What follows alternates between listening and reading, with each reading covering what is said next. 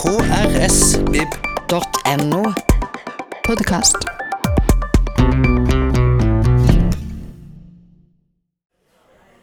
Ja, hei og hjertelig velkommen til fredagslunsj, som er lite dekkende nå. Kanskje vi skulle kalle det fredagssuppe, for det er vel det det ligner en del på, faktisk.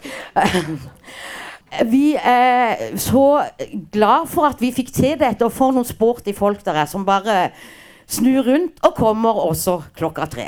Det er bra. Og det er jo altså en rykende fersk prisvinner vi har. Altså, vi liker å være aktuelle på fredagslunsj, men at vi skulle bli så up to date hadde jeg ikke forventa. Så det er fantastisk. da. Og med eh, strålende kritikk og nye opplag, nå innlest som lydbok også, dere, er vi altså så glad og jeg ber dere ta godt imot forfatteren sjøl, biografen som kommer. Han skal lese litt. Før vi da også får Håvard Rem på scenen. Så ta godt imot de begge to.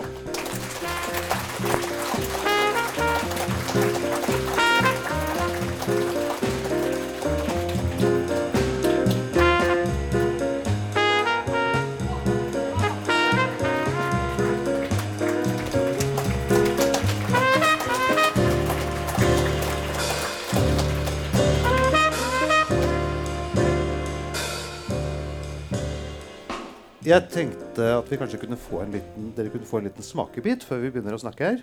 Eh, noen ganger så snakker man bare om bøkene. Man er aldri inne i dem på sånne tilstelninger. Lite grann. Så kommer Håvard etterpå.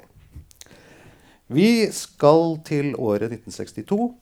Vi er 268 sider ut i boka, så den er altså ganske tykk.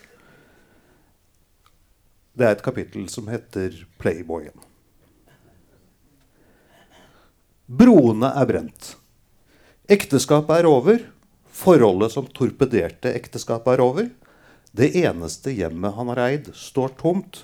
Den første og spenstigste fasen av forfatterskapet er slutt.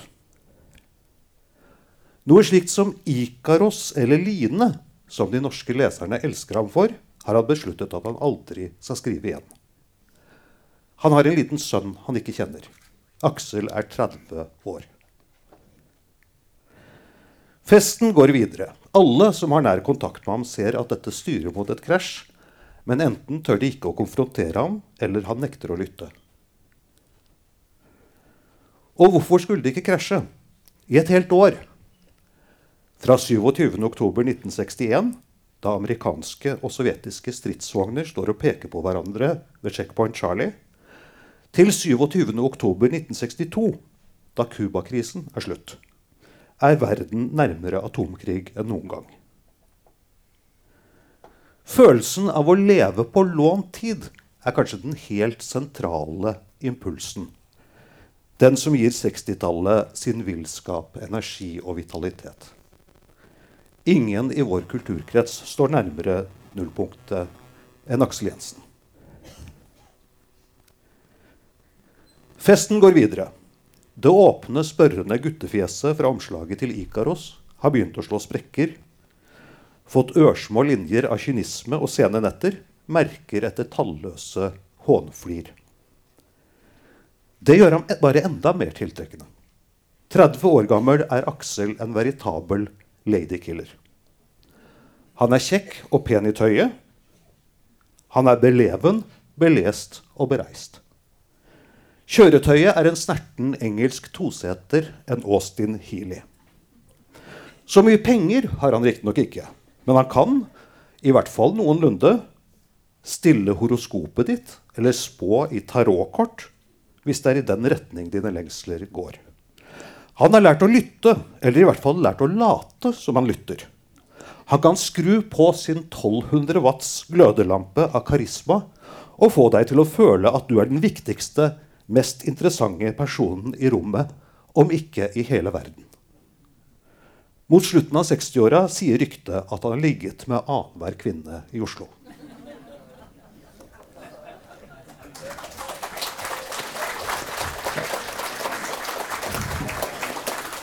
Hei, hei. 10. oktober satt uh, Torgrim og jeg på biblioteket i Bodø. Samme dag som uh, boka gikk i produksjon. Torgrim var letta, selvfølgelig, men også usikker for hvordan ville dette bli tatt imot. Jeg var ikke usikker, for jeg hadde på toget fra Oslo til Bodø fått lest boka. og Togturen kjentes som en berg-og-dal-bane. Altså det var en lese... Hva, hva kaller du alle kritikere? En lesefest. Lesefest, sier de. Eh, men nå, etter 40 dager eller en måned hvordan, hvordan, hvordan føler du at mottagelsen har vært? Eh, nei, noen ganger er det å gi ut bøker som å slippe et, eh, et bind ned i søppelsjakten og så lene seg og høre etter klaske langt der nede. Sånn har det ikke vært. Det smalt veldig så fort den kom. Eh, jeg har aldri fått sånne. De, de har kommet på løpende bånd. Seksere og femmere og fantastiske uh, anmeldelser. Og så toppet det seg da i går med at du fikk Brageprisen i kategorien for sakprosa. Og det syns jeg alle Nå skal vi gi han en applaus.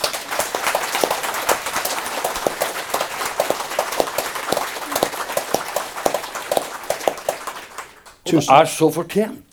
Tusen takk for det. Jeg eh, må si om noe så er dette en arbeidsseier. Det har vært, eh, det har vært et langt og hardt arbeid. dette. Ja. Ni år fra du, eh, fra du begynte. Ja, jeg begynte øh, Ja, i 2010 så begynte jeg Jeg tror jeg skrev kontrakt i 2009, altså for ti år siden. Men i 2009, 2010 så begynte jeg å sette opp alle disse tingene som jeg hadde lært meg at en biograf skulle gjøre. Altså sette opp en tidslinje. Ja. eh, eh, lister på intervjuobjekter. ikke sant? Og så begynte jeg å gjøre disse intervjuene. Noen av de første gjorde jeg her i Kristiansand med Pratiba Jensen ute i Ålefjær. Eh, var, var her to dager og snakka med henne. Eh, og så begynte jeg å ta i litt forskjellige ender av dette materialet. Jeg hadde aldri tenkt at boka liksom skulle researches fra begynnelse til slutt. At jeg liksom skulle, skulle eh, gjøre meg ferdig med en periode. Og så. Det, det har vært eh, et 70 års liv som jeg har drevet og undersøkt kontinuerlig på alle mulige måter. Eh, med litt støtte i tidslinjen, men til slutt glemte jeg tidslinjen òg. For, for, for etter hvert så, så blir tidslinjen en del av deg. må man nesten kunne si. I hvert fall så, så begynte jeg å snakke med folk, og så oppdaget jeg for hver person jeg da intervjuet, så dukket det opp en liste på fem nye navn som jeg måtte, måtte snakke med. Så denne lista var jo til slutt mange sider lang. Altså Aksel Jensen levde veldig mange liv og hadde kontakt med fryktelig mange mennesker. Han var et enestående sosialt talent. Hvis jeg, skulle, hvis jeg skulle ha gjort dette slik jeg tenkte i begynnelsen, så ville denne boka aldri blitt ferdig. Nei. Så jeg gikk den andre veien. Eh, først ga jeg det opp. Flyttet til Berlin i to år skrev en bok om Berlin. Og, og flyttet hjem igjen og gikk, begynte med Aksel igjen. Og så gjorde jeg andre ting. Og så begynte jeg å samle, på, samle sammen boka fra det skriftlige materialet jeg hadde. Altså med bøkene, Aksels bøker som ramme. Bøkene som påvirket ham. Eh, intervjuer. Det er jo det jeg fikk tak i etter hvert av brev, dokumenter, sånne ting. Så begynte dette å snøre seg sammen eh, ja, en gang i fjor. Eh, da begynte jeg å åpne kassene med Aksel Jensens etterlatte papirer i, på Nasjonalbiblioteket. Og da fikk jeg etter hvert en oversikt over ok, hvilke perioder er det jeg ikke vet noe om. Og hvilke figurer var sentrale da? Lever de, og er det mulig å få dem i tale? Så jeg gikk den veien er du, Så altså, så altså hovedkilde Hovedkilde til denne boka, eh, foruten Aksel Jensens egne bøker, er eh, eh, håndskriftsamlingen på Nasjonalbiblioteket og, og det som befinner seg der. Og også ikke bare Aksel Jensens arkiv, men også Cappelens forlagsarkiv, hvor jeg fant korrespondansen mellom Aksel og hans eh, mentor og forlegger Henrik Roth fra 1950-tallet. Fantastisk spennende materiale som jeg skulle ønske at jeg kunne fått sitert mer fra. Eh, og og Marianne Ilens arkiv kom også dit i løpet av fjoråret. Eh, samtidig hadde jeg hatt disse opplevelsene, ganske mange opplevelser med det at å møte et menneske på over 80 år og begynne å stille spørsmål om begivenheter som foregikk for 50 år siden, det er ikke så veldig eh, solid, det du får der.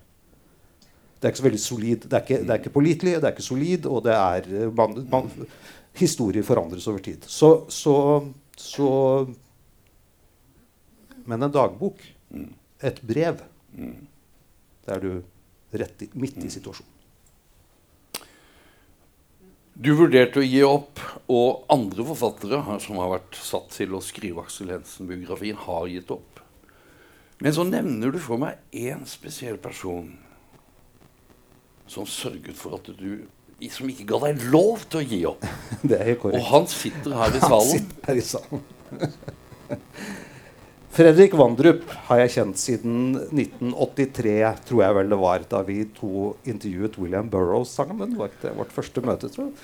Eh, og han er en fyr man støter på hele tiden i det litterære liv i, i Norge. På alle festivaler og, og hva det nå måtte være. Og, og alltid når jeg møtte Fredrik, så satte han pekefingeren i byttet på meg og spurte når kommer Aksel-biografien. Eller hvordan, først, hvordan går det med Aksel-biografien? Hvordan går det med Aksel Jensen? spurte han. Fortsatt død, pleier jeg å si. men, så, men så ble det mer Når kommer Aksel Byfjord? Når kommer den? nå til slutt så, så tenkte jeg at dette, dette Nå ble jeg lei av dette gnålet fra Fredrik. Jeg får bare gjøre den ferdig, da. Simpelthen. Det var jo andre som maste også, men spesielt dette har jeg bare positive minner om, egentlig. Man, man trenger noen sånne i livet sitt. Ikke sant? Vi snakket om å begynne ja, Hvor begynner man, liksom? I tid og sted. Vi snakket om å begynne rett og slett i Kristiansand. Ja. ja. Aksel Jensen døde her i byen i 2003. Etter eh, nesten ti år til sengs med AL.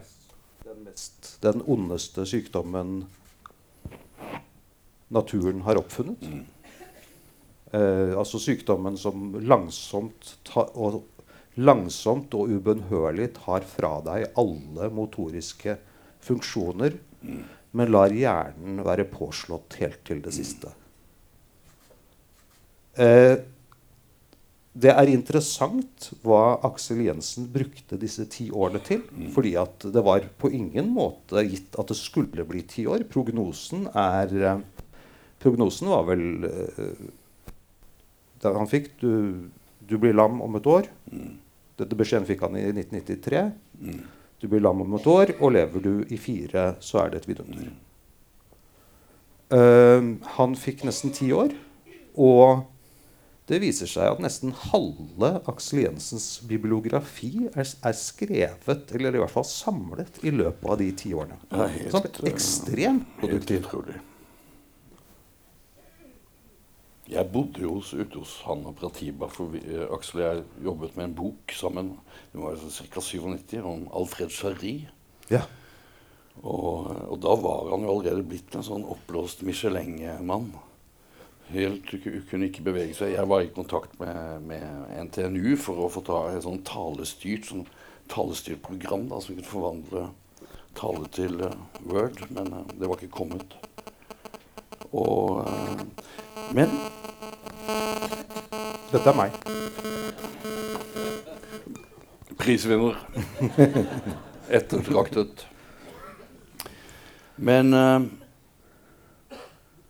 Og man, man kan jo bare gjette på hva en frisk Aksel Jensen ville ha utrettet i Kristiansand hvis han hadde fått 20-25 friske år her. Men, uh, Men det er, jo ikke, det, det er jo langt fra sikkert at en frisk Aksel Jensen ville blitt i Kristiansand. akkurat det. Det var, det, det, det var friske jo, mennesker forlater jo byen. det var jo, det var jo en tilfeldighet at, han havnet der. Han skulle, jo, han skulle jo ta denne skuta til London. Han skulle, den skulle i tørrdokk og fikses opp i London, men den var jo aldri på noe tidspunkt da Aksel Jensen eide denne båten, var den i stand til å ta seg over Nordsjøen. Nei. Nei. Og denne, denne, denne båten til Aksel er jo på mange måter Det er, det er, en, litt av en tragedie i hans liv også, fordi at, fordi at eh, båten krevde så mye av ham. Den, den stjal skaperkraften hans. Og så begynte ideen hans etter hvert å dreie seg mer og mer rundt båten. Altså rundt hva han kunne gjøre med båten og sånn.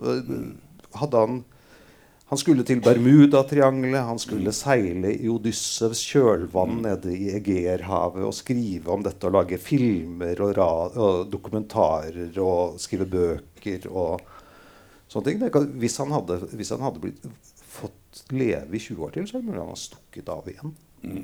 Dette, dette var en mann som, som eh,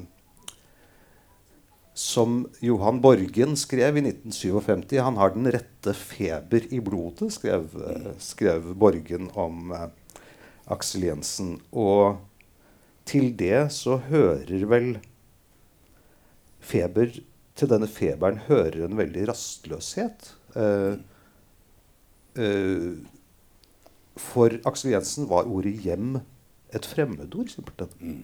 Og det henger jo sammen med oppveksten hans. sånt. Jeg vet ikke hvor langt vi skal gå dit, men vi, vi, vi kan se. Men i forhold til Kristiansand og avslutningen, så eh, Du forteller hvordan han endret Altså Han gikk jo inn i politikken rundt eh, sykepleie, hjemmepleie og Ja, men til å begynne med, å begynne med altså Aksel eh, Jensen var i store, store deler av sitt liv temmelig apolitisk. Eh, og han var, eh, han var en eh, fryktelig kritiker av sosialdemokratiet. Og, og satte ikke så veldig stor pris på, på den skandinaviske velferdsstaten heller. Da han bodde i Sverige, så, så var det stadig vekk eh, gruff om denne mammastaten. og sånn, sånn, Jeg vil ikke leve et sånt sted, mente, mente Aksel da. Men, men, men det, det er jo rart med det. Noen, noen oppfinner Gud på dødsleiet, men Aksel Jensen han ble da sosialdemokrat. Og, øh, og, og, og en, del av, en del av bakgrunnen for det tror jeg ligger i den mest politiske boka han skrev, som for øvrig er, er en vidunderlig bok på mange måter. Den som heter 'Gud leser ikke romaner'. Altså en bok om Rushdie-saken. Eh, dette, dette begynte Aksel Jensen med allerede i 1989. Altså, altså rett etter at uh, Khomeini hadde avsatt, avsagt sitt fatwa mot Rushdie. Og før Khomeini var død også, for han døde vel samme året? gjorde han ikke det? Og han, eh, Jeg har funnet noen notater og, og noen brev. og sånne ting. Han skriver i et brev til I 89 så skriver han i et brev til sin, til sin eh, forlegger hva, som, hva han ser for seg kan skje. Han skriver at eh, 'jeg ville nødig vært muslim i Norge hvis noen krummer et hår på William Nygaards hode', skriver, eh, skriver eh, Aksel i 1989. Det er altså fire år før skuddene i Dagaliveren.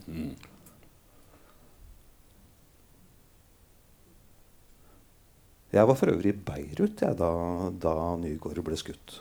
Det, det var sånt som eh, Det var store nyheter der. Det, først, det var en ganske begivenhetsrik høst for uh, Norge, fordi at uh, den dagen jeg kom til Beirut, så ble Oslo-avtalen undertegnet. Og det var ikke alle libanesere så veldig glad for, og kanskje spesielt ikke palestinerne i Libanon. Det var, det var, det, det var store opptøyer. 17 mennesker ble drept og. I hvert fall så gjennom, gjennom dette arbeidet så fikk eh, Aksel Jensen kontakt med politiske myndigheter i Norge. Og han, og han drev dette videre i et prosjekt som aldri er utgitt, men som, eh, men som skulle hete 'Blant sosialdemokrater'. Altså et, en, eh, en bok som skulle bestå av samtaler med sosialdemokratiske politikere. Og de kom til Ålefjær, hele gjengen. Der kom det svarte regjeringsbilene som parkerte utenfor bedehuset der. Og, og så kommer eh, far og sønn Stoltenberg, og så kommer Reulf Raulf Steen, Terje Rød Larsen er der, Mona Salin. Eh, alle, alle, Også Kleveland. Alle var der vel egentlig unntatt Gro, tror jeg. Og da hadde han også kjempet en kamp eh, mot eh, Kristiansand kommune. Ja, han holdt jo han, hold, han, han ville jo ikke Alle visste jo at det var et tidsspørsmål før, før denne mannen var fullstendig pleietrengende 24 timer i døgnet. Eh, og han fikk jo da, etter at de hadde Etter at de hadde da trakeostomert ham, som det heter, altså s- skåret et hull i halsen hans som, som han kunne puste gjennom gjennom Ja. en sånn eh, maskin, så fikk han tilbud om sykehjemsplass. Dette var i 1997. Fikk han tilbud, tilbud om sykehjemsplass, og han blånekta.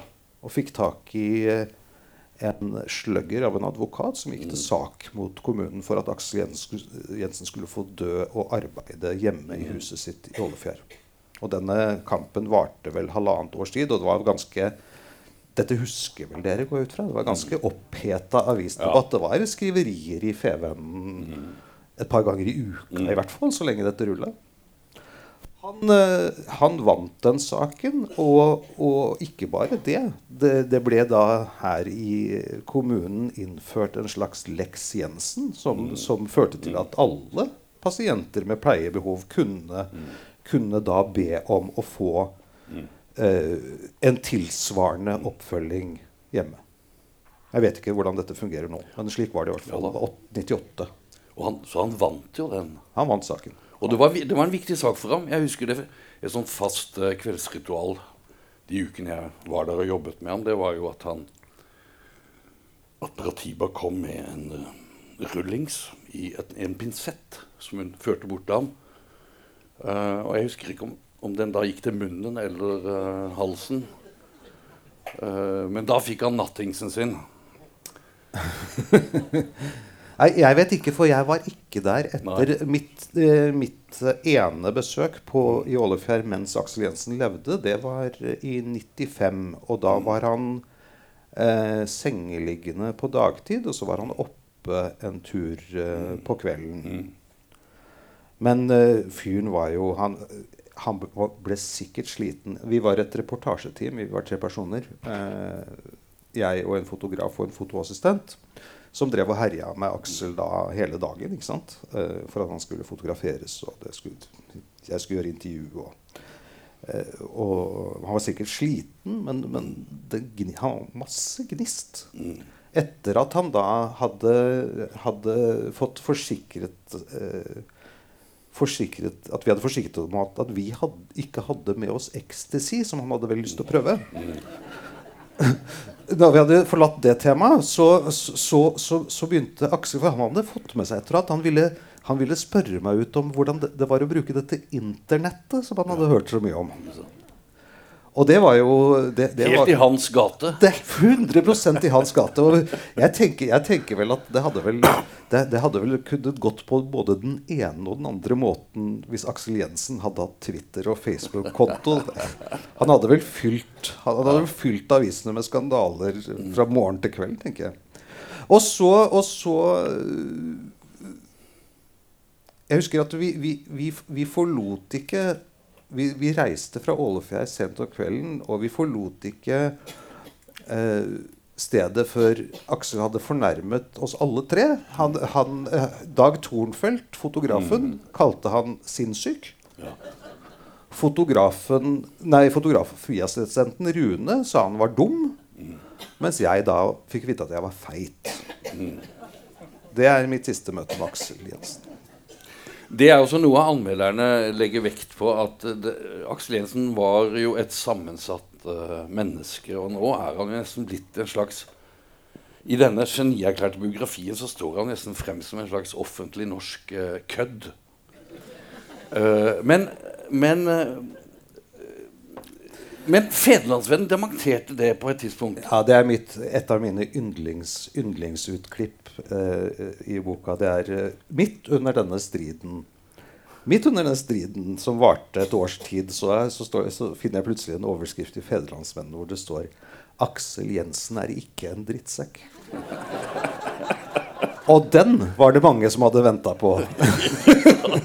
det var ikke mange som så at den kom, liksom. Nei. Jo, han, hadde, han kunne være fæl. Han hadde et forferdelig rykte i noen kretser. Men han var også en person, og dette er fryktelig viktig Han var en, en person som spredte masse energi og glede og entusiasme til veldig, veldig mange mennesker. I et nesten praktisk talt gjennom hele livet. Når, der Aksel var, skjedde det ting. Der han var Der Aksel var, så skjedde det ting. Ja. Oh, ja. Og jeg har en følelse, selv om, selv om Jeg var jo en del her nede på den tida. For jeg var, eh, jeg var jo gift med ei jente her fra byen. Så jeg var her eh, et par ganger i året på 90-tallet. Og jeg hadde en følelse av at Aksel Jensen på en måte var bra for Kristiansand. At, at, eh, at han um, brakte med seg et sus av den store verden. Og selv om han, ikke, selv om han jo veldig fort ble sjuk og sengeliggende, så var det jo alltid et liv. Altså, Jazzklubben her i byen flytta konserter hjem til Aksel. Ikke sant? Eh, sånne ting. Eh, og, og dette sammenfaller med en veldig interessant periode, syns jeg, i Kristiansands historie, hvor Kvartfestivalen kommer opp, og hvor denne byen, hvor denne byen på en måte rister litt av seg bedehusstøvet og blir en moderne europeisk by. Det er eh, mitt, eh, mitt inntrykk av det som foregikk på 90-tallet. Selvfølgelig er ikke alt dette Aksel Jensen, men han bidro. Både i det ytre og det indre så er Aksel Jensens liv eh, ufattelig rikt og eh, kaotisk og uoversiktlig eh, når det gjelder menneskesteder eh, rusmidler, eh, forhold, tanker, ideologier. Altså, det er det er, det er som, et, som et sånt stort, selvlysende tivoli. Og det som gjør at denne boken klarer å Det er at du språklig så er du hele tiden på høyde. Altså, det er et språk i denne boka som er Det er så mye energi. Og, og, og, og, retorisk, altså. Du, du, er på høyde med situasjonen. Du, du, er, du, er, en forteller vi stoler på, men du er også full av små kommentarer og vurderinger. Og, så er det jo en av de store historiene er, jo, er, jo, den trekanten som Aksel Jensen i årene før uh, du tok oss med til 1962 innledningsvis, så blir jo Aksel Jensen del av en slags trekant som etter hvert er blitt bøker, filmer, TV-serier som er blitt en global kjærlighetshistorie. Eh, nesten en sånn Romeo og Julie-historie fra, fra, fra, fra, vår tid. Eh, og det er jeg som også har jobbet mye altså Historien om Leonard Cohen og Marianne. Mm. Men, men, men, som jo på mange måter begynner med Aksel. Og du, du forteller veldig levende om uh... ja, jeg var jo ikke der. Kan, kan jeg først si noe om språk? Ja. Uh, fordi at, fordi at uh, jeg syns jo at i arbeidet her så har, jeg, så har jeg på mange måter eh, fått mindre respekt for Aksel Jensen som menneske, men desto større respekt for ham som forfatter. Og det er ikke nødvendigvis i de store romanlinjene vi skal se etter geniet hos Aksel Jensen, men det er, det er i det bitte lille. I setningen, formuleringen. Mannen var et språkgeni. Og, og, det er klart å skrive en bok, bok, om han Jeg ble nødt til å skjerpe meg. Ikke sant? Du, du, du, du, slipper ikke unna med slappe setninger i en bok om Aksel Jensen. Det, det, det går ikke. Til Jo. Altså, innledningen til denne nå, historien om Marianne Ihlen, Leonard Cohen, det er jo de årene hvor de møtes som silkeramp i jazzmiljøet i Oslo på 50-tallet. Ja, ja, ja. Som ender på Hydra. Det er det, du, jeg syns du beskriver det veldig godt, og har funnet så mye spennende, for meg ukjent uh, fotomateriale også. Uh, ja. Jo. Jo. Uh, men det er jo litt Igjen, jeg var ikke der. Jeg var ikke født engang. Jeg er født to dager etter at Aksel Jensen og Marianne Ilen giftet seg i Aten. Mm.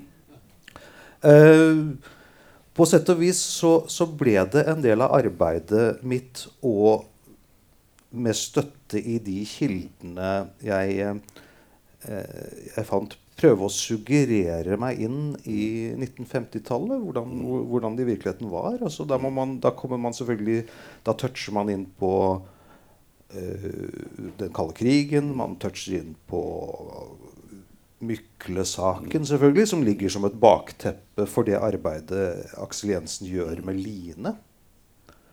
Altså um,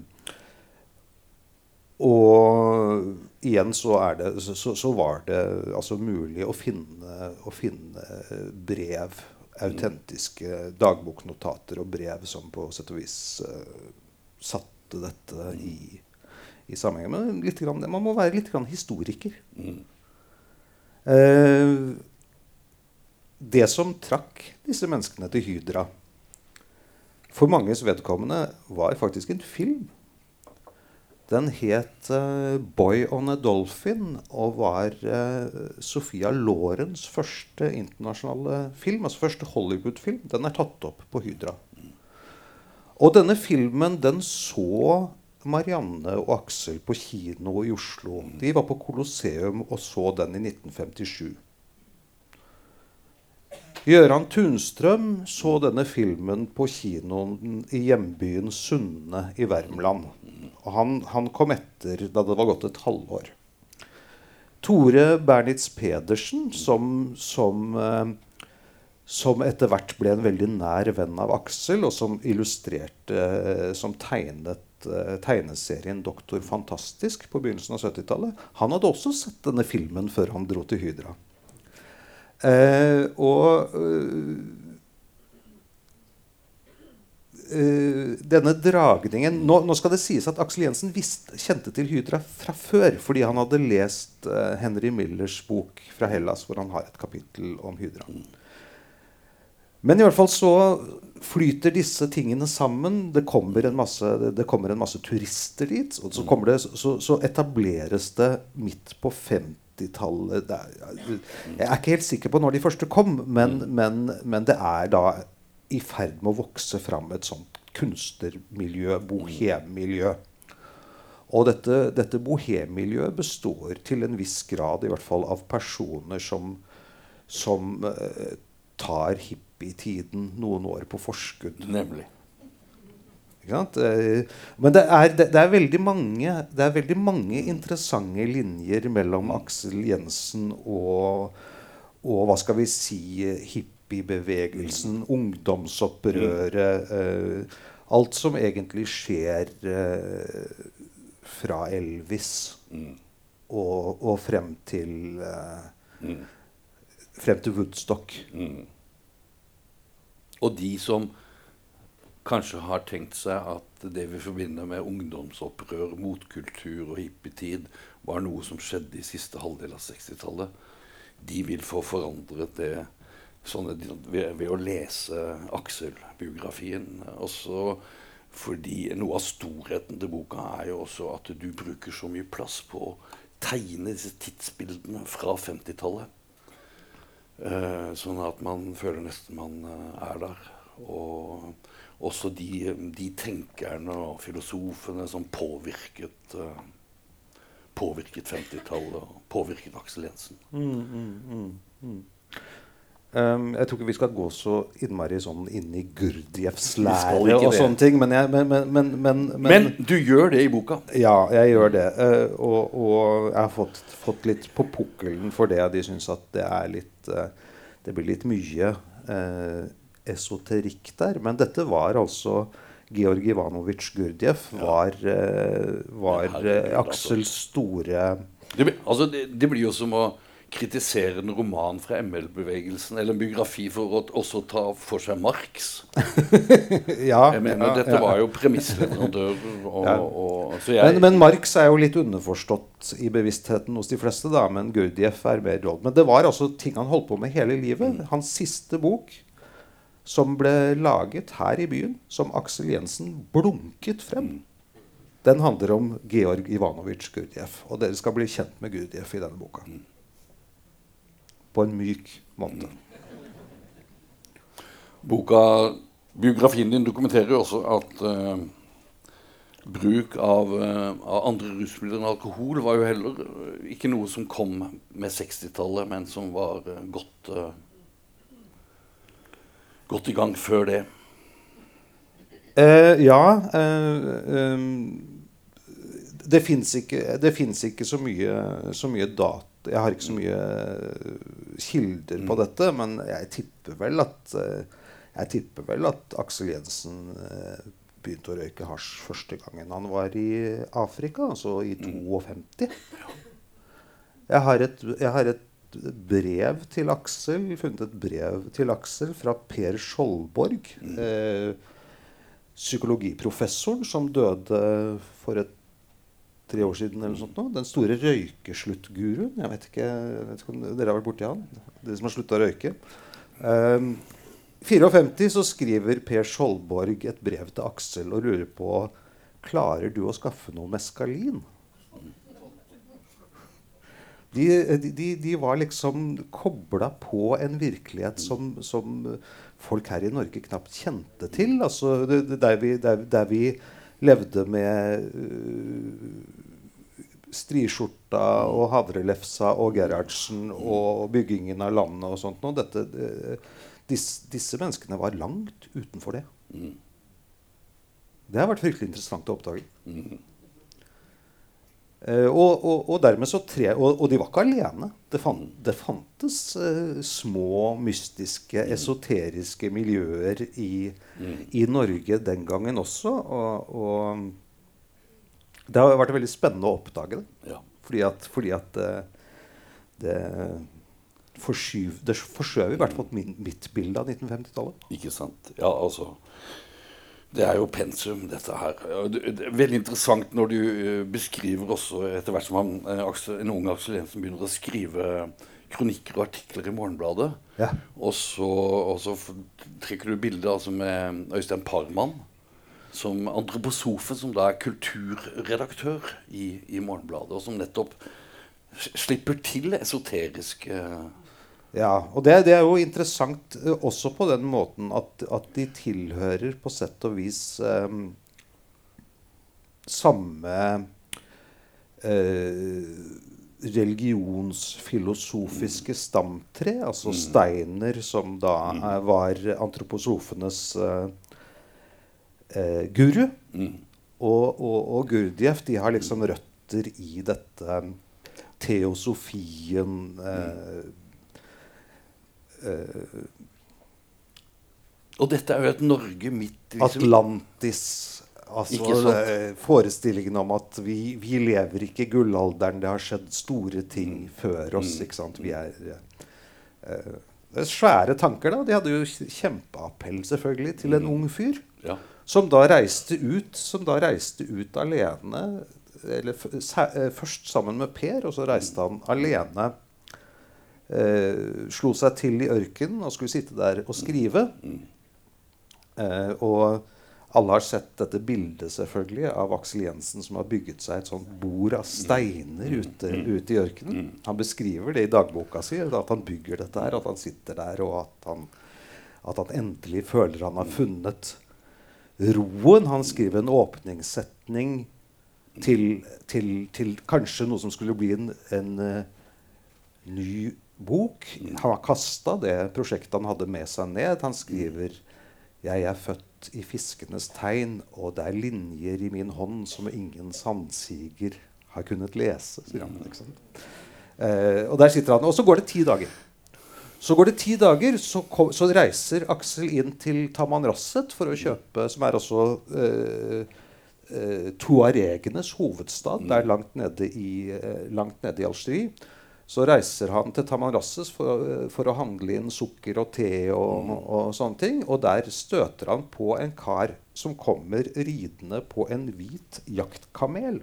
Mm. I et beduinfølge. Og med, med seg i dette beduinfølget har de en stor seng. Den har da denne amerikaneren, som det viser seg han er, han har da solgt denne senga si til tuaregenes konge. Så nå skal de frakte den ut til, til, til kongen. Og, og, amerikaneren i sin svarte burnus Han ser jo da Her sitter det en, sitter det en ung eh, vesterlending. Hva hva er du for en kar? De begynner å snakke først på dårlig fransk. Og så går de over til engelsk. Så forteller Aksel at han er forfatter, og han har reist ned dit for å finne roen og få inspirasjon og sånne ting. Ja, så, så, så forteller han litt videre at um, um, Jo, jeg har med meg én bok hit til, uh, på denne reisen, og det er uh, Ospenskis bok om Gurdjieff. Ospensky var uh, Gurdjieffs første store disippel, altså den første som offentliggjorde noe om Gurdjevs lære. Ha, jo, jeg leser Ospenskis bok om Gurdjieff. Jaså, sier den amerikaneren. Jeg har truffet begge to. Og det er sant. Ananaskongen. Så, så det er ananasprofeten, tror jeg jeg kaller han. Han er da arving til en sukker- og ananasformue på Hawaii. Og, Dels. hva? Er, er det den kjente Altså de som Ca Castellan Cook heter de. Men altså, de, uh, Castland Cook de, de kjøpte Altså, Merket Dole kjenner dere, ikke Dole, sant? Dole. Eh, de, de, de, Castland Cook kjøpte Dole en eller annen gang ti, på slutten av 50-tallet eller begynnelsen av 60-tallet. Dole er hermetisk eh, ananas. Ja. Ja, så, så, så Castland Cook, som han John Star Cook var arving til, de, de var også da verdens største næringsmiddelkonsern. Så han, denne mannen hadde så mye penger. Og han brukte dem til å foreta underlige, åndelige reiser. I- og Aksel Jensen ville jo selvfølgelig være med på disse reisene. Han var 21 år gammel. Det var jo et kjempemessig eventyr som åpnet seg for ham. Og plutselig er de på Finnmarksvidda. Plutselig er de på Finnmarksvidda. Fordi han vil se nordlyset.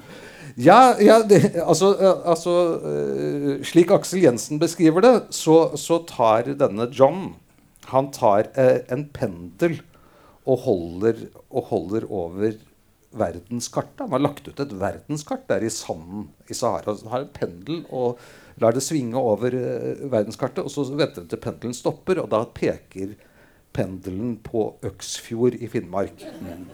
Nå står jo selvfølgelig ikke Øksfjord på noe verdenskart. Så, så her er det litt feil, eh, feilerindringer, eh, antagelig. Men i hvert fall så havner de der oppe. Etter, etter en ganske lang og interessant reise så havner de der oppe. Alt mens Einar Gerhardsen er statsminister. alt mens Einar Gerhardsen. kan, jeg få lov til å, kan jeg bare få lov til å plukke frem et lite, lite sitat her? Jeg skal ikke bruke så innmari lang tid å finne det. Notis i Finnmarksposten mars 1954. To afrikanere, nærmere bestemt fra Sahara, kom mandag med snowmobilen til Kautokeino, melder Finnmarkspostens korrespondent. Den ene er en utflyttet nordmann, forfatteren Aksel Jensen. Den andre er kunstmaleren Aksel Cook. Der har de fått surra med navnene.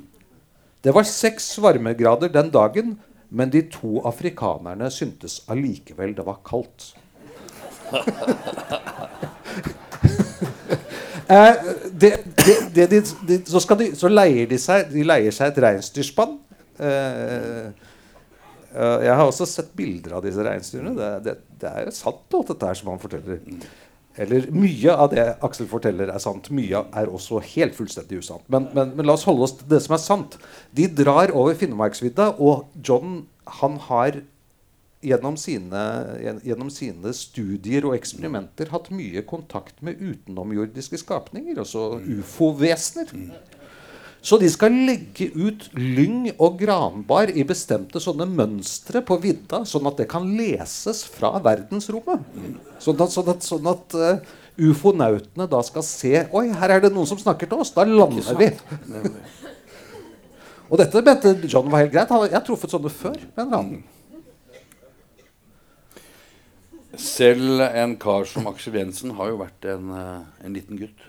Et lite barn. Og det, var, det ga meg veldig mye, de, de eh, åpningskapitlene hvor du, hvor du beskriver bakgrunnen og familierelasjonene. Og jeg må jo si at det er en eh, Altså det mor-sønn-forholdet helt fra tidlig er veldig komplisert, for å si det for å si det forsiktig. Ja. eh, eh, det, var ikke, det var ikke et heldig ekteskap, dette mellom faren og moren til Aksel. Hun, de var vidt forskjellige typer. Uh, han var da en, en eh, ganske stillferdig, eh, litt, kanskje, litt, kanskje litt sky til og med, eh, skogens mann. Han, han var, han var eh, glimrende skiløper og skihopper, og hadde egentlig tenkt at han skulle bli forstmann, altså skogvokter. Men så er det han som da blir kallet, føler seg kallet til å ta over familiekonsernet, som da er eh, Ikke ananas, men pølse. Ikke sant? Jeg, jeg, tenker, jeg tenker at disse to, John og Aksel, en, en eller annen gang en eller annen gang der ute i ørkenen i, i Algerie har oppfunnet Hawaii-pizzaen.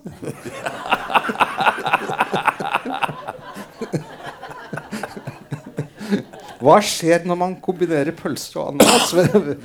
Det er en ganske sprø idé, egentlig. Men i hvert fall, i hvert fall det var en digresjon. Um, uh, faren, faren tar over. Han går, han går um, tar mesterbrev som pølsemaker. Og, og drar opp til Trondheim for å styre en filial av Aksel Jensen-konsernet. Nå er det faktisk litt uklart. Eh, Det, det tilflyter en biograf mye ny informasjon når, etter at boka er kommet. Det er litt uklart om det faktisk var Aksel Jensen senior som eide denne filialen i Trondheim. Men i hvert fall okay. var han der oppe for på en måte å eh, klargjøres for å overta. For, for gamle Aksel var begynt å bli skrøpelig. Eh, og han møter da en, en kvinne i Trondheim, Dagny Buchardt. Uh, opprinnelig, Hennes familie var opprinnelig dansk. Uh, dansker som utvandret til Drammen, og så havnet en sønn oppe i, oppe i Trøndelag. Eh, og så er hun født i Trøndelag, og hun var nok mye mer lik Aksel enn en det faren var. Hun var kunstnerisk. Hun, hun sang, spilte piano, malte bilder, spilte amatørteater. Um, skrev dikt og småhistorier. Jeg klarte, jeg klarte, jeg klarte faktisk å finne en av, en av disse novellene til moren til Aksel. Og det, det var etter en litt sånn en litt sånn merkelig gjettelek. Fordi jeg tenkte Søren. Jeg fant ikke noe på hennes navn. ikke sant? Du, du søker i masse databaser og sånne ting. Eh, men kan det være at hun hadde tatt et mannlig pseudonym? tenkte jeg. Hun het Dagny Theodora. Og så begynte jeg å søke på Theodor Buchardt, og da sa det bing. Fantastisk, altså. Kom. Så det, det, det finner dere her i boka. Det, er, det, er ting, det er mye som tyder på at det litterære talentet også kommer fra moren. Da. Ja. Men hun Eh, sender sønnen fra seg. Nja, hva, hva som skjedde der, er fremdeles ganske uklart. Altså, eh, Ekteskapet gikk i oppløsning, og det var eh, visstnok noe utroskap og, og, og På Palmehaven. Ja, på, ja, ja, der og andre steder. Og i, og i leiligheten mens faren var ute og reiste. Og Aksel var vitne til dette, eller var ikke vitne til dette. Det er uklart, fordi han har, han har jo fremstilt Han har jo fortalt eh, historien om sin, eh, om sin barndom i to bøker. Eh, junior og senior. Eh, det, er mye, det er mye der som står i disse bøkene som, som ikke kan være sant. Eh, men men en, en gnist, en, en, en, en kjerne av sannhet er det i det. Altså, tydelig at dette endte med at, eh, at eh, herr og fru Jensen kastet det de hadde av huskeråd etter hverandre. Og at familien Jensen brukte sin økonomiske makt til å få rive Aksel løs fra mora. Det, det, er det virker helt opplagt på meg.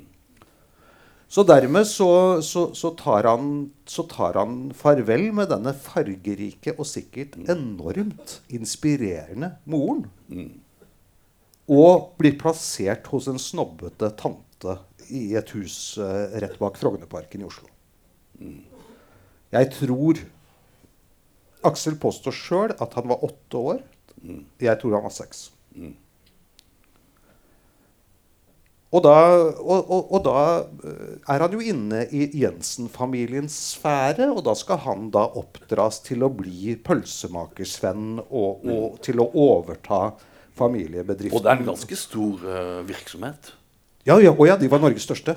Ja. Eh, Aksel Jensen fabrikker de, de drev primært med angro eh, og, og eh, foredling av kjøttvarer. Altså de, de, de var eh, størst i Norge på salamipølser, og de var først i Norge med hermetisk skinke. Det var et kjempeanlegg som, som, som lå nede i Fredensborgveien. Hermetisk skinke, og så hermetisk ananas. Det er jo den Hva heter den? Hva heter den? Den pizzaen. Hawaii? Hawaii. Hawaii-pizza. Men i hvert fall så Er Aksel Jensen allerede da som ung gutt såpass, eh, såpass eh, hjemløs og rotløs og uten ro i kroppen at, at eh, han, han forstår vel I hvert fall etter at han har tatt artium og jobba et halvår i farens bedrift, altså på gulvet med pølse, pølseproduksjon. Han begynner med å skylle tarmer, altså eh, fåretarm som skal brukes til pølseproduksjon. Det er første jobben han får. Etter et halvår med dette så, så uh, innser han at uh, dette ikke er hans vei, og da har han allerede falt inn under, under eh, den, magis, under den magiske innflytelsen fra Georg Ivanovitsj Gurdjieff og en, en rekke andre figurer som han, som han bruker mye tid på. Vi skal runde av med å vende litt tilbake til selve boka. Nå er det nytt opplag på vei. Ja, nå er det nytt opplag, og nå snakker de faktisk allerede om tredje opplag. Så det var en, det var en veldig Det var en veldig eh, det var, Selv om jeg gikk tidlig hjem, så var det relativt høy champagneføring i Cappelen Dam i går. Og ikke nok med det. Eh, neste år er det 40 år siden eh, Nei, 2021. Altså, du, har jo også en, en, du er også musiker og, og Jeg er, jeg er eksmusiker, tror jeg. Eksmusiker, Men du har vært også i et, Nå tenker jeg for de av dere som abonnerer på Fabel eller Storytel. Du har også vært i lydstudio med biografien. Ja, de spurte meg eh, Jeg har lest dine bøker før. Ja. Men eh, nå, nå, kom de, nå kom de før boka var klar, så kom de fra Storytel og spurte har du lyst til å lese. Og dette er jo for det første faktisk ganske godt betalt. For du får, eh, du får skuespillerhonorar for å lese inn din egen bok. Og det er det er jeg, jeg, jeg, Timelønna er bedre når du leser inn enn når du skriver en bok. Såpass mye kan jeg, såpass mye kan jeg fortelle. Eh, eh, og så syns jeg at dette var veldig gøy. At det var en utfordring. eh, å, å se om det går an å levendegjøre dette her. Eh, den eh, lydboka skal være tilgjengelig faktisk på mandag. Eh, men ikke for streaming. Ikke Storytel. For, de, for der er det et halvt års eh, Hva Ikke heter det? sant. Eh, Karantene. karantenetid. Ja. Så, så, så, så for å øh, Den må man altså kjøpe som, som lydbok nå. da Så blir det streaming i mai eller et eller annet sånt nå. Men det som, det som jo var veldig gøy, syns jeg, eh, bortsett fra at jeg, jeg eh, liker egentlig å lese mine egne tekster. Jeg, jeg jobber på den måten. Det er også noe jeg har antagelig lært av Aksel Jensen. Eller, eller noe, kanskje noe jeg har lært av å ha barn, først og fremst. At jeg, at jeg prøver ut tekstene mine. Jeg leser høyt for folk. Jeg leser høyt for de, for de stakkarene som er så uheldige å bo sammen med meg når jeg, når jeg skriver. Jeg leser til de sovner. Men nå fikk jeg jo lov til å lese, lese alt sammen. Og det er jo mange stemmer i denne boka. det er mange stemmer. altså Det er mye kildemateriale, brev, eh, intervjuer og sånne ting. Som, som, eh, så jeg fant jo ut jeg, Skal vi til 50-tallet, så skal vi til 50-tallet. Da snakker jeg litt mer nasalt og, og, og, og jobba på den måten at jeg hørte en del på opptak. Mange av disse sitatene er jo Aksel Jensen sjøl. Eh, både, både, de litterære tekstene hans og intervjuer med ham som jeg siterer osv. Så, videre. Så jeg hørte jo en del på Aksel Jensens stemme. Eh, før vi, før vi, spilte inn. Altså prøvde å legge meg i, i hans tonefall. Eh, og, og sam, samtidig jeg har ganske store eh, store partier med brevvekslingen mellom Aksel og Henrik Groth. Så jeg hørte på, hørte på gamle radioopptak med Henrik Groth, som var en helt unik figur i norsk forleggeri. Uh, Helt apropos så sitter jeg eh, hjemme med Henrik Groths gamle skrivebord. Denne boka er skrevet på Henrik Groths gamle skrivebord. Det havnet, det, havnet eh, det, det, er, det, er, ikke så mange som vet, men, men eh, det var Henrik Groth som startet kvinnebladet Sirene. Det, og det var noe av det siste han gjorde før han gikk av som forlegger. Så skrivebordet hans som han hadde på kontoret sitt, det havna på redaksjonskontoret til Sirene. Og, og, noen av disse i Sireneredaksjonen var eh, gode venner av min mor. Så hun var der da de skulle flytte ut. Mm. Og de lurte på hva de skulle gjøre med møblene. Så ser hun det der i skrivebordet, så sier hun 'Det tar jeg'. Mm. Og da hadde jeg begynt å etablere meg som frilansskribent og trengte et skrivebord. Sånn var det. Eh, jo, eh, jo, jeg skulle jo eh, jeg skulle da prøve å å finne toneleiet til Groth. Mm. ikke sant? Og så, og så for, å få, for, å få, dette til å bli ordentlig 50-tall, så, så, snevret vi inn frekvensområdet, så, så det låt, låter litt som radio på 1950-tallet. ikke sant? Mm. Tar bort toppen og, og bånd. Mm. mm. Og så legger vi et litt sånn svakt båndsus under, så det høres ut som gamle opptak. og, og, og sånt. Jeg, jeg har jobba med folk som, folk som, har bakgrunn fra musikkbransjen. Og jeg, har, jeg elska jo å jobbe i studio da jeg var mm. musiker. Og det var noe av det morsomste jeg visste. Så vi tøysa fram og tilbake. Så kom vi endelig til et punkt, så kom vi til et punkt hvor jeg sa her gir jeg opp. Det var etter at jeg hadde funnet ut at jeg låt nøyaktig som Pushwagner når jeg snakket uten tenner. så, så kom vi til et punkt et, i, i, boka fins det et brev fra Stephen Hawking til Aksel Jensen. For Aksel Jensen har tatt kontakt på han, for han mener at de to sammen skal lage en TV-dokumentar om ALS. Som begge led av. Som begge led av. Hawking, Hawking levde med denne sykdommen i 40 år. Mm. Uh, men uh, Hawking vil ikke det. Men han skriver et brev hvor han gir Aksel noen gode råd om hvordan han skal forholde seg til dette. For tross alt har jeg, jeg har hatt denne sykdommen lenger enn deg. Mm. Gutt. Uh, og så Hvordan i all verden skal man lese det? Jo, han var jo selvfølgelig han lydfriken der oppe i studio. Han gikk jo på nettet og fant en, en Stephen Hawking-generator. Så det er jo da en datamaskin som leser det partiet i lydboka. Vi hadde det veldig moro. Og så måtte dere ha inn en kvinne? Kvinne til å lese damestemmene. Mm. Og mandag så er den tilgjengelig? Det skal den være ifølge forlaget. Klokka er blitt uh, fire. Det er fredag. Dette, dette, har vært en lang Hvis vi hadde startet halv tolv, så hadde dette vært en veldig lang eh, fredagslunsj. Skal vi fortelle hva som skjedde? Det var for så vidt tåke på Gardermoen. Ja. Men den tåka var metaforisk. Vi, vi, satt, vi satt fordypet i en samtale om litteratur. Vi var kommet omtrent til Ray Bradburys 'Den illustrerte mannen', tror jeg vi drev og snakka om. Da vi skjønte at Rett over. Vi satt rett overfor gaten. Ja, ja. Gate closed. Og så rusha vi bort og prøvde og tryglet på våre knær ja. om å få slippe inn, for flyet sto der fremdeles. Flyet sto der og... Men de var, de var fryktelig vrange. Og de påsto at de hadde både ropt oss opp og ringt oss. Så tunghørte er vi ikke. Nei. Så dette er jeg selvfølgelig fryktelig lei for. Desto hyggeligere eh, alle som kom. Eh, takk for eh, en ny fredagslunsj, et nytt frammøte.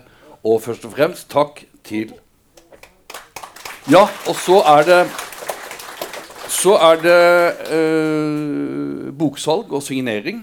Eh, jeg tror det Torgrim gir en veldig hyggelig pris i dag. i og med- med å forsinke Nei da, det, det var feil.